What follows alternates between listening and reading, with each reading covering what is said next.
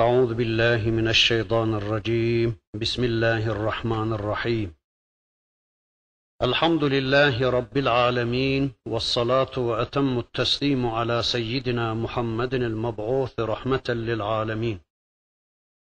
اللهم لا سهل إلا ما جعلته سهلا وأنت تجعل الحزن إذا شئت سهلا. اللهم علمنا ما ينفعنا وانفعنا بما علمتنا وزدنا علما برحمتك يا أرحم الراحمين.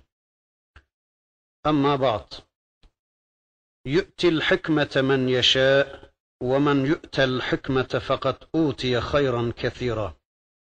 وما يذكر إلا أولو الألباب. وما أنفقتم من نفقة أو نذرتم من نذر فإن الله يعلمه وما للظالمين من أنصار. إن تبدوا الصدقات فنعم ما هي وإن تخفوها وتؤتوها الفقراء فهو خير لكم ويكفر عنكم من سيئاتكم والله بما تعملون خبير. ليس عليك هداهم ولكن الله يهدي من يشاء وما تنفقوا من خير فلأنفسكم وما تنفقون إلا ابتغاء وجه الله وما تنفقوا من خير يوفى إليكم وأنتم لا تظلمون. للفقراء الذين أحصروا في سبيل الله لا يستطيعون ضربا في الأرض يحسبهم الجاهل أغنياء من التعفف تعرفهم بسيماهم لا يسألون الناس إلحافا وما تنفقوا من خير فإن الله به عليم. إلى آخر الآيات Sadakallahul azim. Geçen dersimizde Bakara suresinde infakın gündeme getirildiği ayetleri okumuştuk.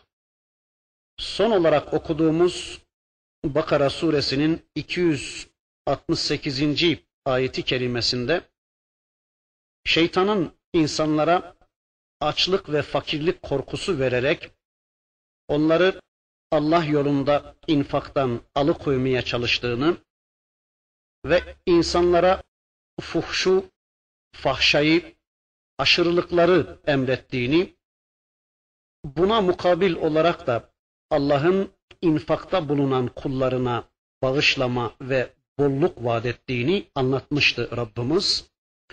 Ama bunu herkesin anlayamayacağını, sadece Allah'ın kendilerine hikmet verdiği kimselerin bu gerçeği ancak anlayabileceğini anlatmak üzere bakın Bakara suresinin bundan sonraki ayeti kerimesinde yani 269. ayeti kerimesinde Rabbimiz şöyle buyuruyor. Yu'til hikmete men yeşâ ve men yu'tel hikmete fakat utiye hayran kethira وَمَا يَذَّكَّرُ اِلَّا اُلُوا الْاَلْبَابِ Allah dilediğine hikmet verir. Kime hikmet verilmişse ona çok hayır verilmiştir. Hayrı kefir verilmiştir. Ve bunu ancak akıl sahipleri anlar. Hikmet tüm dünya hayırlarını ve tüm ahiret güzelliklerini içinde bulunduran bir kavramdır ve bunu surenin daha önceki bölümlerinde zannediyorum 129 e, ya da 130. ayeti kerimesinde uzunca ifade etmeye çalışmıştım. Burada da kısaca yine bir şeyler söyleyelim. Hikmet Kur'an'dır denmiş. Kur'an'ın nasih ve mensuhunu, muhkem ve müteşabihini, helal ve haramlarını, emir ve yasaklarını bilmek, Kur'an'ın tefsirini bilmek, Kur'an anlayışına muttali olmak, Kur'an ayetlerinin fıkhına vukufiyet kesbetmektir denmiş. Nitekim Yasin suresinin başındaki ayeti kerimesinde bakın Rabbimiz şöyle buyuruyordu. Yasin vel Kur'anil Hakim hakim olan, hikmetli olan Kur'an hakkı için ayeti kerimesi işte bize bunu anlatıyor. Veya hikmet sözde ve amelde isabet, iman ve amelde isabettir denmiş. Yani kişinin sözüyle amelinin, imanıyla amelinin mutabakatıdır denmiş. Veya hikmet Allah korkusudur denmiş. Hani Resul-i Ekrem Efendimizin hikmetin başı Allah korkusudur diye bir hadisi vardı. İşte o hadis bunu anlatır. Hikmet Allah korkusunun başıdır denmiş. Yine hikmet sünnettir denmiş. Yani hikmetli kişi sünneti bilen kişidir denmiş. Rabbimizin Ahzab suresindeki şu ayeti kerimesi bu hususu anlatır. وَاذْكُرْنَ مَا يُتْلَى ف۪ي بُيُوتِكُنَّ مِنْ آيَاتِ اللّٰهِ وَالْحِكْمَةِ اِنَّ اللّٰهَ كَانَ لَط۪يفًا خَب۪يرًا Evlerinizde Allah'ın ayetlerinden ve sünnetten okunan şeyleri hatırlayın ey peygamber hanımları diyordu Rabbimiz Ahzab suresinde. İşte bu ayeti kerime bu hikmetin sünnet olduğunu anlatır. Zira resul Ekrem Efendimizin hanımları evlerinde Kur'an ile birlikte sünnetten başka bir şey işitiyor değillerdi. Öyleyse bu ayeti kerimenin de delaletiyle hikmet sünnettir diyeceğiz. Yine hikmet nübüvvettir denmiş. Rabbimiz peygamberlerine hikmet verdiğini anlatır Kur'an-ı Kerim'de. İşte bu hikmet Allah'ın peygamberlerine verdiği risalettir demişler. Yine hikmet akıldır denmiş. Hikmet aklı kullanarak Allah'ın dininde bir kavrayış, Allah'ın kitabına vukufiyet ve Allah'ın fazlından kullarının kalplerine koymuş olduğu bir basirettir denmiş. Bu ayeti kerimesinde de Rabbimiz hikmetin dilediği ve sevdiği kullarına verdiği en büyük bir nimet olduğunu anlatıyor. Vasi ve alim olan Rabbimiz bu sıfatları gereği yukarıdaki ayeti kerimede gördüğümüz gibi sevdiği kullarına mal, mülk ve mağfiret vaat ediyor. Şeytanın korkutmalarına rağmen, şeytanın ihvalarına rağmen o bunu kullarına garanti ediyor. Ama bu ayeti kerimesinden de anlıyoruz ki Rabbimiz sevdiği kullarına sadece mal, mülk ve mağfiret vermiyor. Aynı zamanda bunun ikisini de birleştirici olarak hikmet de veriyor Allah.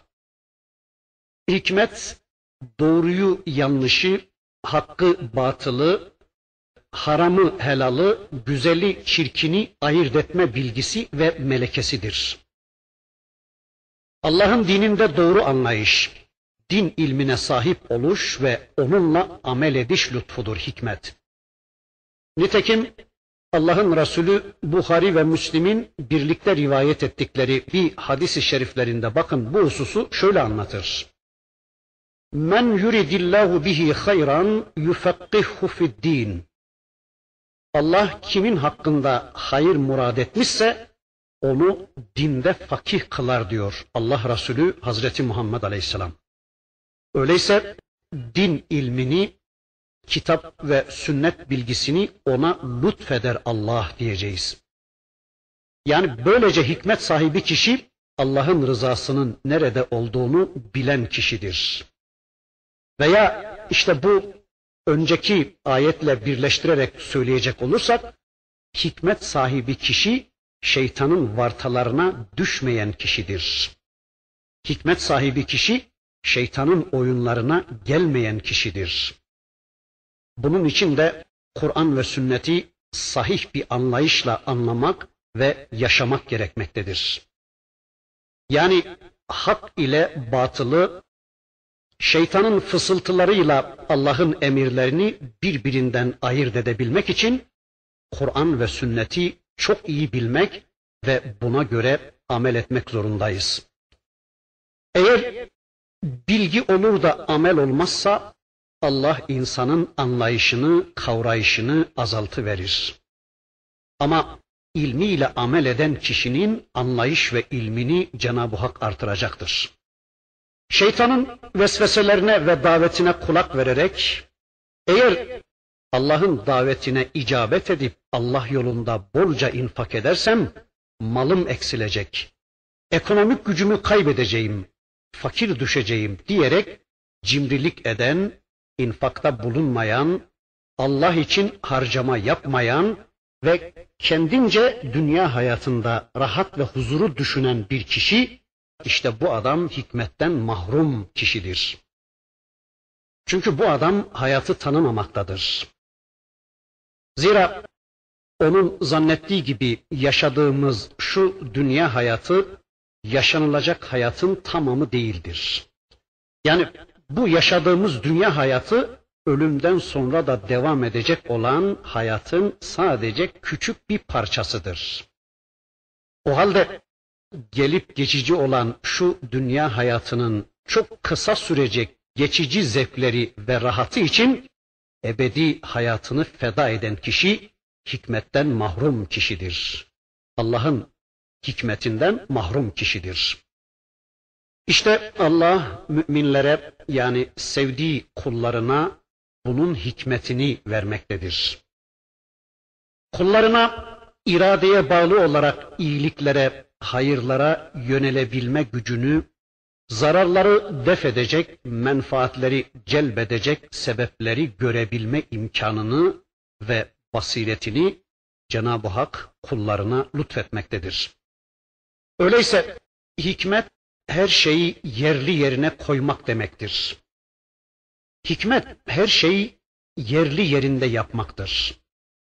Allah'ın kendisine hikmet verdiği insan gerek kendisiyle yani bedeniyle, malıyla ilgili gerekse hanımı, çocukları, akrabaları, komşuları ve çevresiyle ilgili tüm kararlarında, tüm davranışlarında yerli yerinde hareket eden kişidir. Yerli yerinde konuşur, yerli yerinde karar verir, yerli yerinde hükmeder, yerli yerinde yapar, yerli yerinde alır verir. İşte bu Cenab-ı Hakk'ın ona bahşettiği en büyük bir ihsanıdır. Ama unutmayalım ki bu hikmet o hikmeti arayanlara verilir. Yani bu hikmete ancak ona ulaşmak için sahi edenler ulaşabilir. Bakın zannediyorum Ankebut suresindeydi bir ayeti kerimesinde Rabbimiz o hususu şöyle anlatıyordu. وَالَّذ۪ينَ جَاهَدُوا ف۪ينَا لَنَهْدِيَنَّهُمْ سُبُلَنَا وَاِنَّ اللّٰهَ لَمَعَ الْمُحْسِنِينَ Yolumuzda cihad edenleri, yolumuzda cehdu gayrette bulunanları elbette yollarımıza eriştiririz. Şüphesiz ki Allah muhsinlerle beraberdir. Evet Allah yolunda cehd eden, Allah yolunda cihad eden, hikmet kaynağı kitap ve sünneti anlama ve yaşama yolunda çalışıp çabalayan kimseleri hayır yollarımıza, hikmet yollarımıza ulaştıracağız diyor Rabbimiz. İşte bu şekilde gayret edenler ancak Rablerinin emirlerine kulak verir ve şeytanın vesveselerine karşı gelebilirler. Şeytanın vartalarına, şeytanın vesveselerine düşmemeyi becerebilirler. Ama böyle değil de sırf bilgi sahibi olmak için kitap ve sünnete yönelen yani onunla amel etme derdinde olmayan kimseler işte böyle insanlar şeytanın elinde oyuncak olmaya mahkum olurlar. Öğrendikleri bu ilmi Allah korusun günün birinde şeytanın ve tağutların hizmetinde kullanmaya mecbur kalırlar.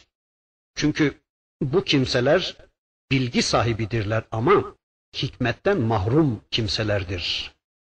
Bu bilgiyi nerede kullanacaklarını, bu bilgiyle hayatlarını nasıl düzenleyeceklerini bilmekten mahrum kimselerdir. Öyleyse şunu söyleyelim, hikmet vahiy ile elde edilir. Yani hikmet her şeyi var eden, ve var ettiği şeylere yasa koyan Allah'ın dinini ve yasalarını fıkh etmekle mümkün olacaktır. Allah'ın dinini, Allah'ın kitabını, Allah'ın yasalarını bilen kişi hikmet sahibidir. Allah'ın yasalarını bilen kişi yerli yerinde söz söyler. Allah'ın ayetlerini, Allah'ın kitabını bilen kişi yerli yerinde iş yapar. Kişinin yapması gerekenleri yapması, yapmaması gereken şeyleri de yapmaması, söylemesi gereken şeyleri söylemesi, konuşması, söylememesi gerekenleri de söylememesi, işte bu yasaları tanımasına ve böylece Allah'ın ihsanına ulaşmasına bağlıdır. Bilgisi her şeyi kuşatmış olan Allah bilgisine, kitap, sünnet bilgisine sahip olmasına bağlıdır. Allah bilgisine, kitap bilgisine, sünnet bilgisine yani Allah yasaları bilgisine sahip olan kişi hikmet sahibidir. Tüm kararları, tüm davranışları, tüm konuşmaları ve tüm yaptıkları mahza o kişinin hikmettir. Son olarak Efendimizin bir hadisini okuyup inşallah bu hikmet konusunu bitirelim. Hadis-i şerif zannediyorum Müslim'deydi. Bakın Allah'ın Resulü buyurur ki iki kişiye gıpta edilir. Bunlardan birincisi Allah kendisine mal vermiştir ve o kişi Allah'ın kendisine verdiği bu malı Allah yolunda harcamaktadır. İkincisi de Allah kendisine ilim vermiştir. Yani Kur'an ve sünnet bilgisi vermiştir, hikmet vermiştir ve bu kişi de Allah'ın kendisine verdiği bu ilimle kendisi amel ettiği gibi bu ilimle hayatını düzenlediği gibi bu ilmi Allah'ın kendisine verdiği bu ilmi ona muhtaç olan Allah kullarına anlatmaktadır. Allah kullarına ulaştırmaktadır. İşte bu iki kişiye haset ya da gıpta caizdir diyor Allah'ın Resulü Hazreti Muhammed Aleyhisselam. Yani bir adam ki Allah kendisine mal vermiş, nimet olarak, imtihan olarak ya da dünyada bulunması adına Allah ona mal vermiş. Ama o malı Allah yolunda helak etmiş ve bitirmiştir o kişi. Yani adam o malın kendisine ait değil de Allah'a ait olduğunu bilmiş, malın, mülkün sahibi olarak Allah'ı bilmiş, tanımış ve imtihan için onun kendisine verildiğini anlamış, kavramış ve o malı Allah'ın istediği biçimde kendisine, ailesine, ehline ve Müslümanlara harcayarak imtihanı kazanmıştır. İşte bu adama imrelinir diyor Allah'ın Resulü Hazreti Muhammed Aleyhisselam. Tabi önceki ayetleri de şöyle gözünüzün önüne getirerek söyleyecek olursak, harcadığı malın azlığı, çokluğu da önemli değildir. Yani bir hurması da olsa, yarım hurması da olsa o konuda Allah'ın kendisinden istediğini icra edip kendisini cehennemden kurtarmasını becerebilmiştir bu kişi. İşte bu kişiye gıpta edilir. İşte bu kişiye haset edilir diyor Allah'ın Resulü Hazreti Muhammed Aleyhisselam. Hadiste anlatılan ikinci imrenilecek kişi de bakın şudur. Bir adam ki Allah kendisine hikmet vermiştir. Yani Kur'an anlayışı, Kur'an ilmi vermiştir. Allah onu kitabıyla tanıştırmış, vahyiyle buluşturmuş ve bu yüzden de hikmet vermiştir ona. Yani yerli yerince hareket etme imkanı vermiştir Allah ona. O adam da Allah'ın kendisine verdiği bu bilgi ile Kur'an'ı hakim ile Kur'an-ı Kerim'i hakim kılma adına onu ikame etme adına ciddi bir gayretin içine girmiştir. Yani Kur'an-ı Kerim'i evinde, çevresinde, iş yerinde, mektebinde, pazarında, panayırında Kur'an'ı hakim durumuna yani Kur'an-ı Kerim'i otorite durumuna getirmek istemiştir adam. Kur'an'ı gecede ve gündüzde ikame etmiştir. Gecede ve gündüzde namaz kılarak Kur'an'ı kıyamda okumuştur.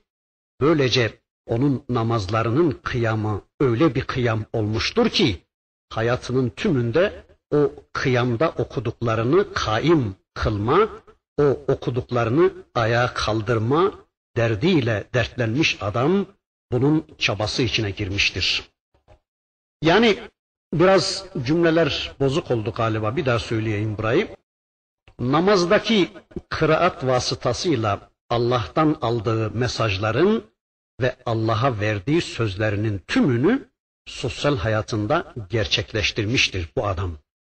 Çünkü hadislerde Kur'an'ın ikamesinin iki türlü olacağı anlatılmaktadır. Birincisi onunla hükmedilerek yani amel edilerek, ikincisi de onu başkalarına anlatarak olur. Zira hikmetin elde edilmesi sürekli vahiy ile beraberliğe bağlıdır. Onu az evvel demeye çalışmıştım zaten. Kişi ne kadar vahiy ile beraber olursa o kadar çok hikmet sahibidir.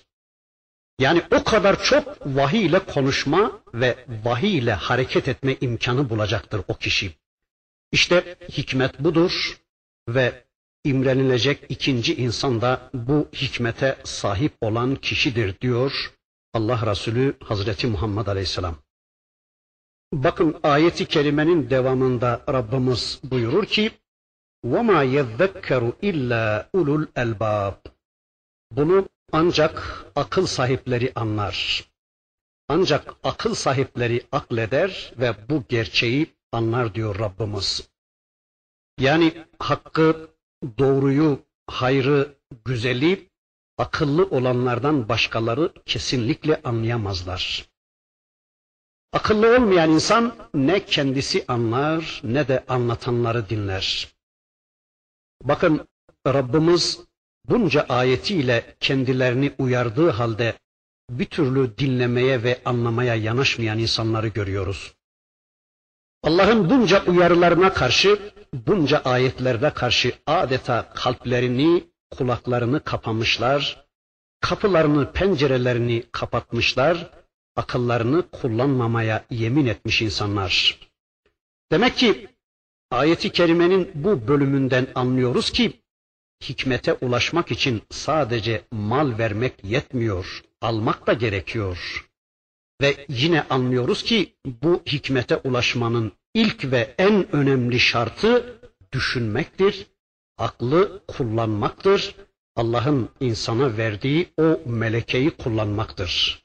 İşte bu da ancak aklı ve kalbi kullanmakla mümkün olacaktır. İslam'da aklı kullanmak çok önemlidir. Eğer okuyorsunuz mutlaka, okuduğunuz sürece göreceksiniz ki Kur'an-ı Kerim'de akıllanmayacak mısınız? Akıllarınızı kullanmayacak mısınız? Veya hala akletmeyecek misiniz gibi Kur'an-ı Kerim'de ayetler pek çoktur. İşte akıllarını kullanan yani düşünen Allah'ın kendilerine verdiği bu özellikleri kullanan insanlar ancak bu gerçeği anlayacaklardır buyuruyor Rabbimiz. Bundan sonra yine infak ayetleri devam ediyor. Bakara suresi ayet 270. Bakın Rabbimiz şöyle buyuruyor. وَمَا أَنْفَقْتُمْ مِنْ نَفَقَةٍ اَوْ نَذَرْتُمْ مِنْ نَذْرٍ فَإِنَّ اللّٰهَ يَعْلَمُهُ وَمَا لِلظَّالِم۪ينَ min ansar. Yaptığınız her harcamayı ve adadığınız her adağı Allah muhakkak bilmektedir. وَمَا لِلظَّالِم۪ينَ min ansar. Zalimlerin de yardımcıları yoktur. Evet, وَمَا أَنْفَقْتُمْ مِنْ نَفَقَةٍ اَوْ نَذَرْتُمْ مِنْ نَذْرٍ فَاِنَّ اللّٰهَ يَعْلَمُهُ Allah her şeyi bilmektedir. Rabbimiz kim ne yaparsa, kim ne tür bir amel işlerse ve onu ne adına, kim adına yaptığını Allah bilmektedir.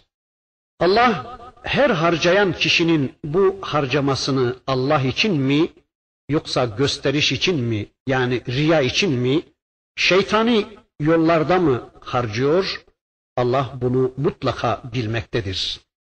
Kişinin ne harcadığını, ne adına harcadığını bildiği gibi aynı zamanda bu harcamada bulunanlara nasıl muamele edeceğini yani nasıl bir mükafat veya nasıl bir ceza vereceğini de Allah bilmektedir.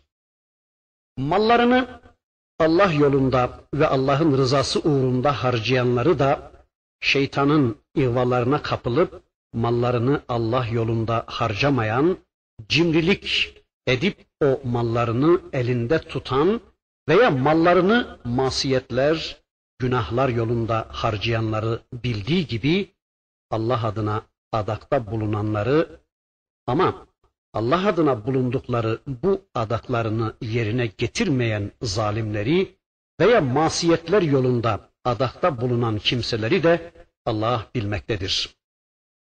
Ve ayeti kerimede Rabbimiz bu şekilde mal harcayan ve de bu şekilde adaklarını yerine getirmeyenlerin yardımcıları da yoktur buyuruyor. Mallarını kötülük ve şer tohumları ekmek için harcayanlar, mal varlıklarını gizleyerek benim neyim var ki infak edeyim diyenleri ve Allah adına bir adakta bulundukları halde adaklarını yerine getirmeyenleri böylece kendi kendilerine zulmedenleri ve de kendileri infak etmedikleri gibi bir de üstelik başkalarının haklarını yemeye çalışarak başkalarına da zulmedenleri kıyamet günü dostsuz ve yardımcısız bırakacaktır Allah. O gün kendilerini savunacak, kendilerine yardım edecek ne bir dostları ve de bir yardımcıları olmayacaktır bunların. Bu ayeti kerimede Rabbimiz iki tür harcamadan söz ediyor. Bunlardan birincisi infak. Yani infak önceki ayetlerde de demeye çalışmıştık. Kişinin mecbur olmadan kendi gönlü ve arzusuyla Allah adına harcama yapmasının adıdır. Ayeti kerimede Rabbimiz e, birinci olarak infakı anlatıyor. İkincisi de ayeti kerimede Rabbimiz adağı anlatıyor. Adak da kişinin kendi kendisini mecbur tutarak yine Allah için harcama yapmasıdır. Birincisi mecbur olmadığı halde harcama yapması, ikincisi de bir sözle, bir eylemle kendi kendisini mecbur tutarak Allah adına harcama yapmasının adıdır. Adak kişinin sırf Allah rızasını kazanmak için üzerine farz olmayan amelleri kendi kendine farz kılmasının adıdır. Yani üzerine farz olmayan amelleri yapmaya niyet ederek söz vermesidir. Bununla şunu demek istiyorum. Aslında adakta bulunmak ibadet değildir. Yani Allah bunu yapmak, şunu yapmamak üzere bana adakta bulunun diye bir emir vermemektedir Kur'an-ı Kerim'de. Onun içindir ki adakın başındaki bir ayeti kerimesinde bu hususu anlatırken Rabbimiz şöyle buyuruyor. Yufun bin nevri ve yahafun yevmen kana şerruhu mustatira. Yufun bin nevri onlar adaklarını yerine getirirler. Nezirlerini ifa ederler ve yahafun yevmen öyle bir günden korkarlar ki kâne şerruhu mustatira o günün şerri salgındır, şerri yaygındır, her şeyi ve herkesi kaplayacaktır. Öyleyse adaklarımızı, nezirlerimizi yerine getirmek zorundayız. Adaklar iki kısımdır. Birincisi hiçbir şarta bağlı olmadan yapılan adaklar. Yani hiçbir şarta bağlı olmaksızın durup dururken ben Allah için beş gün oruç tutacağım veya Allah için on milyon infak edeceğim gibi bir kişinin adakta bulunması. Böyle bir adakta bulunan kişi imkanı olduğu müddetçe mutlaka bu adağını yerine getirmek zorundadır. Ama imkansızlıklardan ötürü eğer bu adağını yerine getiremeyecek olursa bu kişi o zaman Allah onu affeder. Hatta adam hayırlı bir iş yapmak üzere niyet edip adakta bulunmuş ama imkansızlıklardan dolayı onu yerine getirememişse böyle hayırlı bir niyetten ötürü kimilerine göre bu adam sevap bile alacaktır. İkincisi şarta bağlı olan adaklar yani şarta bağlı olarak yapılan adaklar. Mesela eğer bir oğlum olursa vallahi bir kurban keseceğim. Veya eğer oğlum askerden sağ salim dönerse üç gün oruç tutacağım gibi bir şarta mukarin olarak, bir şarta bağlı olarak yapılan adaklar. Bu şekilde adakta bulunan kişi adağının konusu gerçekleştiği takdirde adağını yerine getirmesi artık o kişinin üzerine vacip olur. Ama bu kişi adakta bulunduğu için değil, adağını yerine getirdiği için sevap kazanır. Bunu unutmayalım. Aslında demin de ifade ettiğim gibi şarta bağlı adak İslam'da hoş görülen bir şey değildir. Ve adak takdiri de değiştirecek değildir. Bakın Abdullah İbni Ömer'in rivayet ettiği bir hadislerinde Allah'ın Resulü insanları adaktan nehyederek şöyle buyuruyor. Adak Allah'ın takdir buyurmadığı hiçbir hayrı getirmez. Ancak adağı sebebiyle cimrinin elinden mal çıkarılmış olur diyor. Allah Resulü Hazreti Muhammed Aleyhisselam Bukhari ve Müslim'in birlikte rivayet ettikleri hadislerinde böyle buyuruyor. Yine Ebu Hureyre'nin rivayet ettiği başka bir hadislerinde Allah'ın Resulü buyurur ki, Adak Adem oğluna takdir edilmemiş hiçbir şeyi sağlamaz. Lakin adak bazen kadere muafık düşer de bu sayede cimriden çıkarmak istediği mal çıkarılmış olur diyor. Allah'ın Resulü Hazreti Muhammed Aleyhisselam yine Bukhari ve Müslim'de rivayet edilen bu hadislerinde.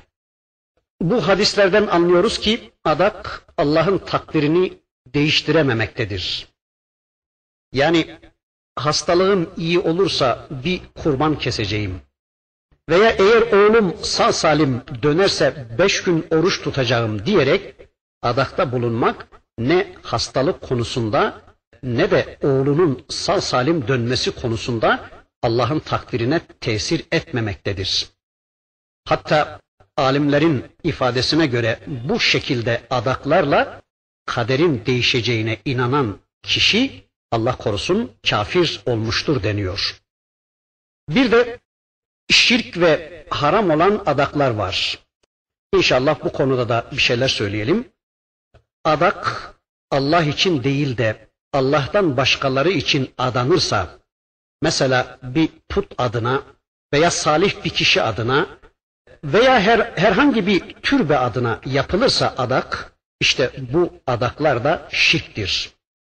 Mesela oraya veya o kimseye gidip eğer şu işim hallolursa senin için şunları şunları yapacağım, şu kadar harcayacağım, şu kadar mum dikeceğim derse yani bu tür şeyleri adarsa bir adam Allah korusun bu şirktir. Bu adam da şirke düşmüş demektir. Haram olan adak da haram olan bir şeyi yapmak üzere adakta bulunmaktır. Mesela şu işim olursa şu kadar içki içeceğim. Veya eğer bu işim gerçekleşirse seninle ebediyen konuşmayacağım. Veya eğer şu işim olursa seni öldüreceğim gibi adaklar haram adaklardır. Bu tür adakta bulunmak da haramdır. Bunun yerine getirilmesi de haramdır. Eğer kişi bu tür bir adakta bulunurken yemin etmişse derhal yeminini bozarak kefaret vermesi gerekmektedir. Yemin ve kefareti ile alakalı Bakara suresinin önceki ayetlerinde epey bir şeyler demeye çalışmıştık. Bakın Allah'ın Resulü Müslüm'ün rivayet ettiği bir hadislerinde şöyle buyurur. Bir kimse bir şeye yemin eder de başka bir işi ondan daha hayırlı bulursa hayırlı olanı yapsın. Yemininden dolayı da kefaret versin. Evet, ayeti kerimeye dönüyorum. Allah adına ne verirseniz, Allah adına ne yaparsanız, ne yapmayı ve ne vermeyi adarsanız Allah onu bilmektedir. Yani yaptığınız hiçbir şey boşa gitmemektedir. İnfakta bulunduğunuz insanlar bunun kıymetini bilmeseler bile üzülmeyin. Allah bunu bilmektedir. Hani iyilik yap, denize at, balık bilmezse Halık bilir diye bir söz var ya, işte Rabbimiz bu ayeti kerimesinde bize bunu anlatmaktadır. Yani biz yapalım ve kesinlikle inanalım ki Allah onu bilmektedir, Allah onu kaydetmektedir. Yaptığımız hiçbir şey bilelim ki zayi olmamaktadır, kaybolmamaktadır. Bundan sonra Rabbimiz sadakaların verilme usulünü anlatmaya başlayacak. Yani sadakaları nasıl vereceğiz, nasıl infakta bulunacağız? Bundan sonraki ayeti kerimesinde Rabbimiz bize onu anlatmaya başlayacak. Bu ayeti kerime inince Müslümanlar Resul-i Ekrem Efendimiz'e sormaya başladılar. Ey Allah'ın Resulü infaklarımızı nasıl yapacağız? Yani gizli mi vereceğiz yoksa aleni mi vereceğiz diye Allah'ın Resulüne sorular sordular da bunun üzerine bakın Rabbimiz şöyle buyurdu. Bakara suresi ayet 271. İn tubdu sadakati feni'imma hi. Eğer sadakaları açıktan verirseniz bu güzel bir şeydir. Bu iyi bir şeydir. Ve in tuhfuha ve tu'tuha fukara fehuve hayrun lekum. Eğer onu fakirlere gizlice verirseniz bu sizin için daha hayırlıdır.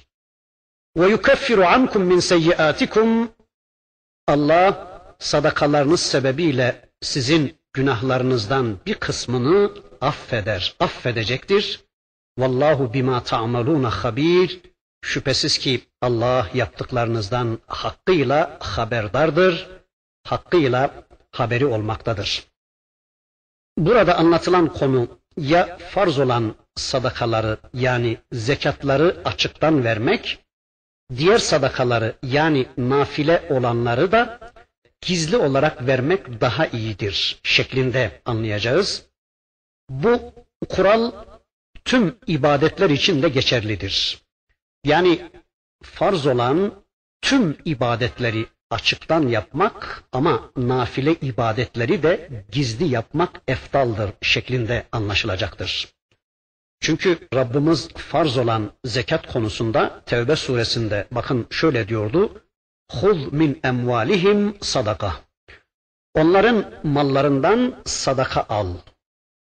Bu ayet zekatları açıktan alınmaları gerektiğini anlatmaktadır. Yani zekatların açıktan alınmaları gerektiğini anlatmaktadır. Eğer bir Müslüman farz olan zekatını gizli verirse o zaman bu adam galiba zekatını vermiyor gibi suizan altında kalabilir. Namazlar da böyledir. Allah'ın Resulü nafile namazlarını evinde kılmıştır ama farz namazları mutlaka açıkça ve cemaat içinde kılmıştır. Allah Resulü Hazreti Muhammed Aleyhisselam.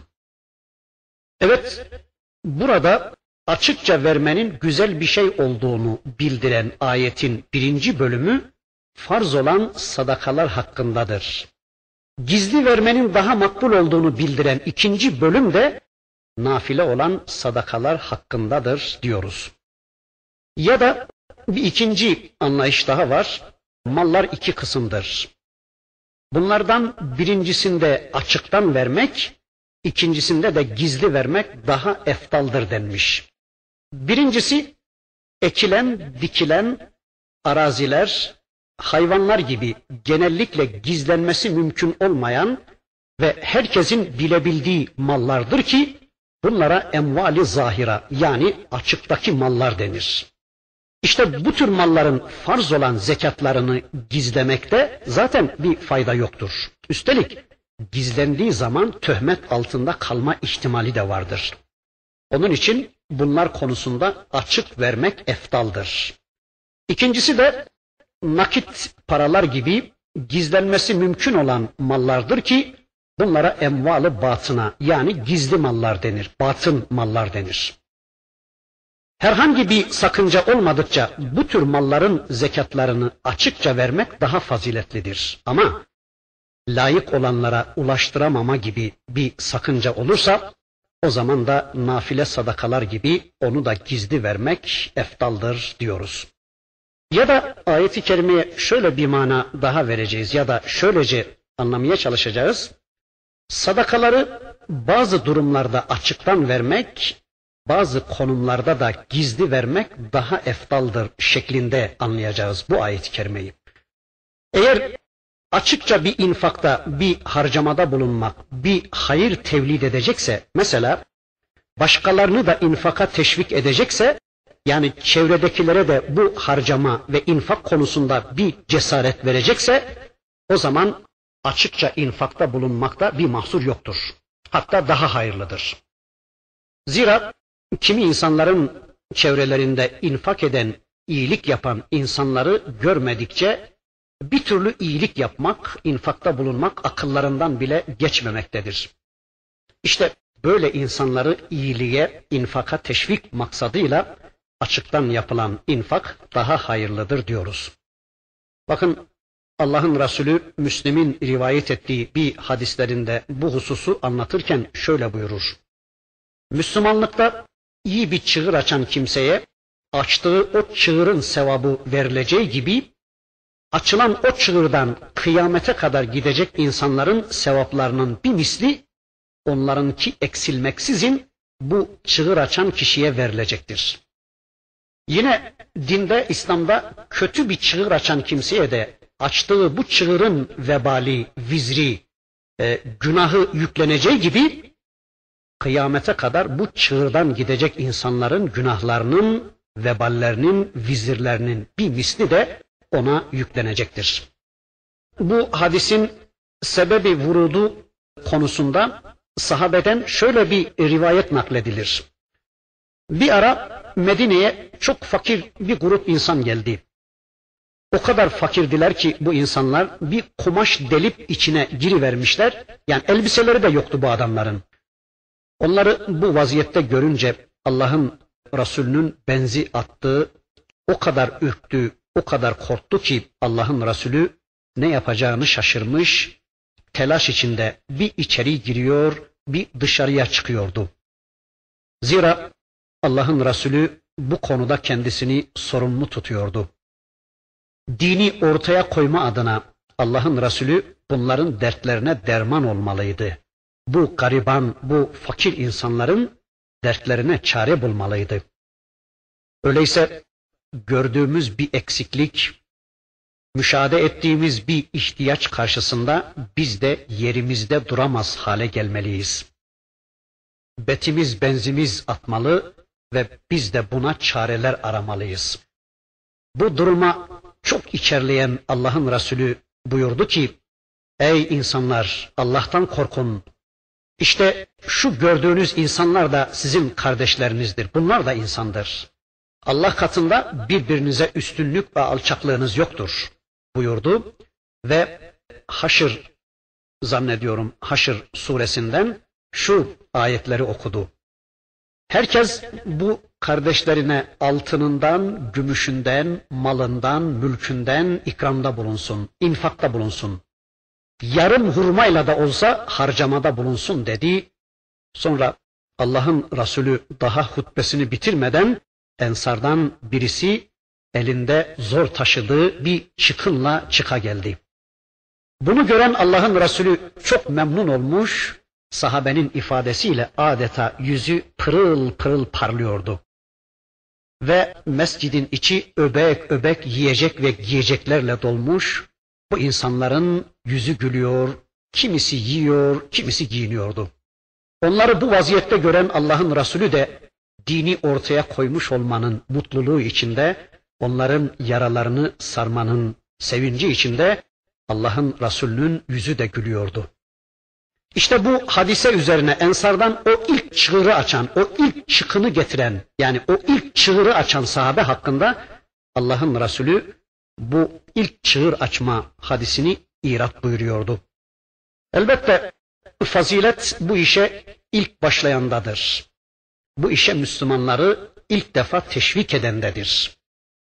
Nitekim Abdullah İbni Ömer'in rivayet ettiği bir hadislerinde Allah'ın Resulü şöyle buyuruyor. Gizlice vermek açıktan vermekten daha eftaldır. Ama açıkça verdiğinde kendisine uyulmasını isteyen kimse için de açıkça vermek daha eftaldır. Ama bazen de kendisine infak edilen kişinin durumu söz konusu olabilir. Yani kendisine infak edilen kişinin izzeti nefsinin rencide edilmesi, iffetinin ve onurunun kırılması söz konusu olursa o zaman da sadakanın gizli verilmesi eftal olur.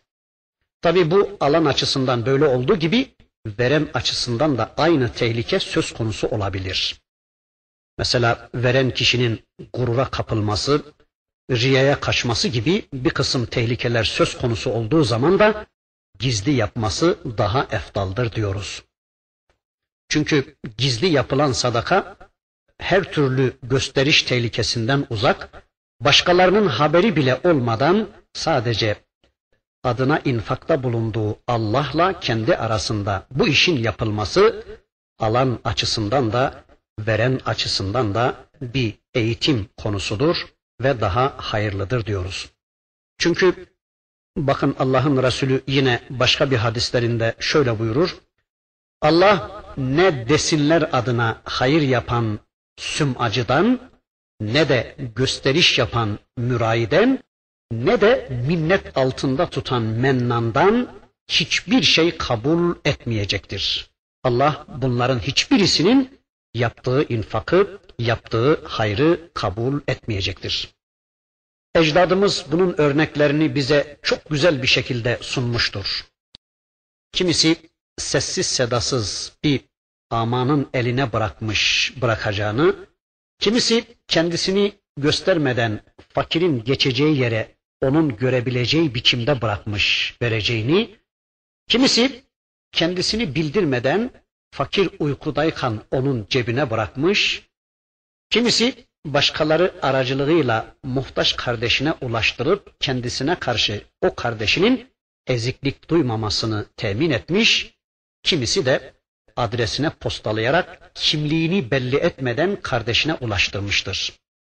Bunlar bunların hepsi de gösterişten, riyadan, sümadan ve karşısındakini minnet altında tutmaktan sakınmak içindir. Ebu Davud'un rivayet ettiği bir hadislerinde Allah'ın Resulü bakın bu hususu anlatırken şöyle buyurur. Sadakanın en faziletlisi az bir şeyi olan kişinin fakire gizlice verdiği ve gücünün son yettiğidir. Yine Buhari ve Müslim'in birlikte rivayet ettikleri bir hadislerinde Allah'ın Resulü Rahman'ın arşının gölgesi altında gölgelenecek yedi insandan, yedi yiğitten bahsederken bakın bunlardan birisinin de bir adam ki sadaka verir ama bunu yaparken de sağ elinin verdiğini sol eli duymayan kişidir diyor. İnşallah sadakalarımızı böyle yapmaya çalışacağız. Kendimizi bir kere vermeye alıştıracağız. Yani az oldu, çok oldu demeyeceğiz. Yarım hurma da olsa, bir hurma da olsa günlük mümin kardeşlerimize, ihtiyaç içinde kıvranan kardeşlerimize infak etmeye çalışacağız. Buna dikkat edeceğiz. Bundan sonraki ayeti kerime Müslümanlar arasında daha önceden mevcut olan bir yanlış uygulamayı, bir yanlış anlayışı düzeltmeyi hedefleyen bir ayeti kerime. Bakın Bakara suresi ayet 272 Rabbimiz şöyle buyuruyor. ليس عليك هداهم ولكن الله يهدي من يشاء وما تنفقوا من خير فلأنفسكم وما تنفقون إلا ابتغاء وجه الله وما تنفقوا من خير يوفى إليكم وأنتم لا تظلمون Leysa aleyke hudahum. Ey peygamberim, onları yola getirmek senin boynuna borç değildir. Onların hidayetinden sen sorumlu değilsin. Onları hidayete getirmek senin sorumluluğun altında değildir. وَلَكِنَّ اللّٰهَ يَهْدِ مَنْ يَشَاءُ Lakin Allah dilediğini hidayete erdirir. وَمَا تُنْفِقُوا مِنْ خَيْرٍ فَلِأَنْفُسِكُمْ Hayırdan ne yapmışsanız bilesiniz ki o sizin kendiniz içindir. وَمَا تُنْفِقُونَ إِلَّا ابْتِغَاءَ وَجْهِ اللّٰهِ وَمَا تُنْفِقُوا مِنْ خَيْرٍ يُوَفَّ إِلَيْكُمْ وَأَنْتُمْ لَا تُظْلَمُونَ Yalnız Allah rızası için harcama yapın. Hayırdan ne harcamışsanız, mallarınızdan hayır olarak ne elinizden çıkarmışsanız, o size döndürülecektir ve asla zulme de uğramayacaksınız. Bu ayeti kerime gelmeden önce Müslümanlar arasında şöyle bir anlayış yaygındı. İnfak ancak mümin olanlara yapılır.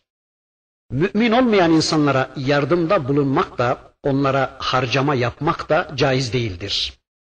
Bu yüzden Müslümanlar Müslüman olmayan akrabalarına, Müslüman olmayan yakınlarına ve diğer gayrimüslimlere yardımda bulunma hususunda tereddüt ediyorlar. Bunun caiz olup olmadığını Allah'ın Resulüne gelip soruyorlardı.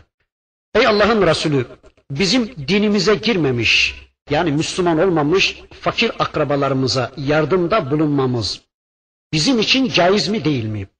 Yani onlara yardımda bulunmak bizim içimizden gelmiyor. Bunlar Müslüman olmadıkça onlara infakta bulunmak istemiyoruz diyorlar. Allah'ın Resulü de bunu hoş görmeyerek onlara infakı yasak kılıyordu.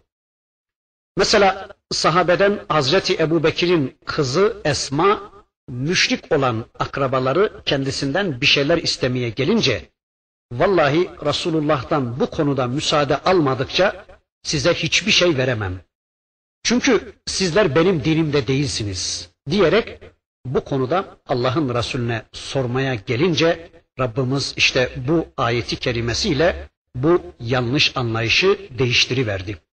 Ey peygamberim onlar hidayette değiller diye onlara harcama yapmamak, yardımda bulunmamak sana ve Müslümanlara yakışmaz. Zira onların hidayeti seni ilgilendirmez. Senin boynuna boş değildir bu. Yani onları hidayete erdirmek sana düşmez peygamberim. Onların kalplerine İslam'ı, imanı sokmak, yerleştirmek senin işin değildir. Onlar Müslüman olmuşlar ya da olmamışlar. Bunun seninle ilgisi yoktur. Onların hidayeti Allah'ı ilgilendirir. Çünkü onları hidayete erdirmek Allah'a aittir. Senin vazifen sadece onlara hakkı duyurmaktır. Senin vazifen sadece onlara hakkı tebliğ etmektir. O halde bu adamlar Müslüman olmadılar diye, yola gelmediler diye, yani bu adamlar İslam'ı yaşamıyorlar diye onlara sadaka vermemezlik yapma peygamberim. Onlara yardımda bulunmamazlık yapma. Kafir de olsalar, başka dinde de olsalar, İslam düşmanı olmadıkları sürece onlara infaktan geri durma peygamberim buyuruyordu Rabbimiz işte bu ayeti kerimesinde. Ayetin ifadesinden anlıyoruz ki muhtaç olan kişi hangi dinden olursa olsun İslam'ı yaşasın ya da yaşamasın fark etmez ihtiyacından dolayı ona infak edilmelidir. Çünkü bakın ayetin devamında deniyor ki وَمَا تُنْفِقُوا مِنْ خَيْرٍ يُوَفَّ اِلَيْكُمْ وَاَنْتُمْ لَا تُظْلَمُونَ Hayırdan ne harcarsanız yani ne infak ederseniz onun sevabı sizedir. Yani bundan anlıyoruz ki infakın sevabı o infakı yapana aittir, yapılana değil. Yani infaktan doğacak sevap infak edene aittir. Kendisine infak edilene değil. Öyleyse infak edilen kişi ne olursa olsun, nasıl olursa olsun, kim olursa olsun, hangi dine, hangi inanca mensup olursa olsun, muhtaç olduğu müddetçe ve İslam'la savaş halinde olmadığı müddetçe ona yardımda bulunmak müminlerin görevidir. Yani bu caiz midir, değil midir diye bir tereddüde gerek yoktur diyor Rabbimiz. Bizim toplumda en çok tereddüt edilen hususlardan birisi de şudur. Efendim bu adam namaz kılmıyor. Bu adam İslam'ı yaşamıyor. Buna infak edilir mi deniyor. Nafile olan sadakalar Müslüman olmayan başka din mensuplarına bile verilebilirken fasık Müslümanlara vermek öncelikle sahih olacaktır. Bunu unutmayalım. Evet, nafile olan sadakalar Müslüman olmayanlara da verilebilir. Yani Müslüman olmayan birine sadaka vermek caiz olduğuna göre Allah'ın emirlerinden çıkmış, İslam'ı yaşamayan fasık bir Müslümana sadaka vermek haydi haydi sahih olacaktır. Kişi verdiğini Allah rızası için verdikten sonra verilen kişinin amelinin ne olduğu, nasıl olduğu önemli değildir. Nitekim bakın Bukhari ve Müslim'in Ebu Hureyre Efendimiz'den rivayet ettikleri bir hadislerinde Allah'ın Resulü zina eden zaniye bir kadına veya bir zengine veya bir hırsıza sadaka veren bir kişi hakkında Rabbimizin senin sadakan kabul olmuştur. Zina eden kadına gelince muhtemeldir ki o infakın sebebiyle iffetini koruyacak ve zinadan vazgeçecektir. Zengine gelince muhtemeldir ki ibret alacak ve Allah'ın kendisine verdiğinden o da infak edecektir. Hırsıza gelince muhtemeldir ki o da hırsızlıktan vazgeçecektir buyurduğunu haber vermektedir. Evet, bu ayeti kerimesinde Rabbimiz Müslümanlara, tüm muhtaçlara Allah'ın rızasını talep ederek yardım ellerini uzatmalarını bir vecibe sayıyor. Vaktimiz yine doldu. İnşallah burada kalalım. Gelecek dersimizde yine bir şeyler söyledikten sonra Rabbimizin öteki ayetlerini hep birlikte tanımaya geçmek üzere. Velhamdülillahi Rabbil